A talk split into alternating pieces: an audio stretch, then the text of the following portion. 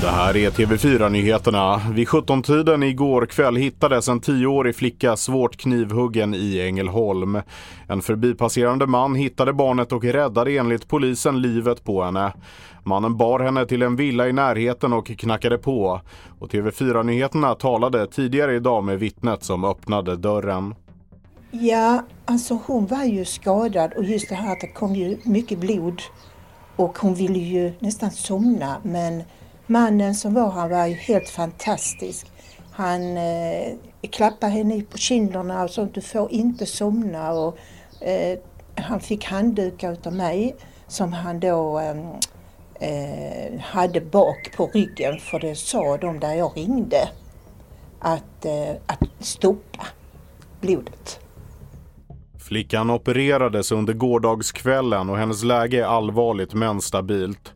En 34-årig kvinna har anhållits misstänkt för mordförsök. Mer om det här kan du läsa på tv4.se. En man i 30-årsåldern har förts till sjukhus med skottskador i Trelleborg.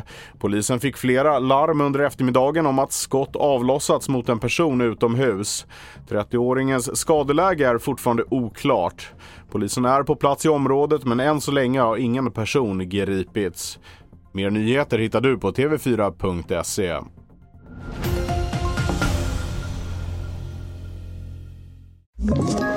Ett poddtips från Podplay.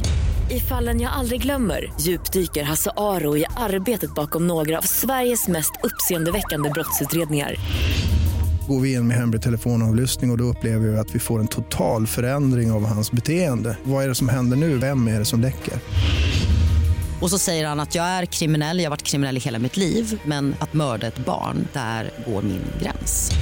Nya säsongen av Fallen jag aldrig glömmer på Podplay.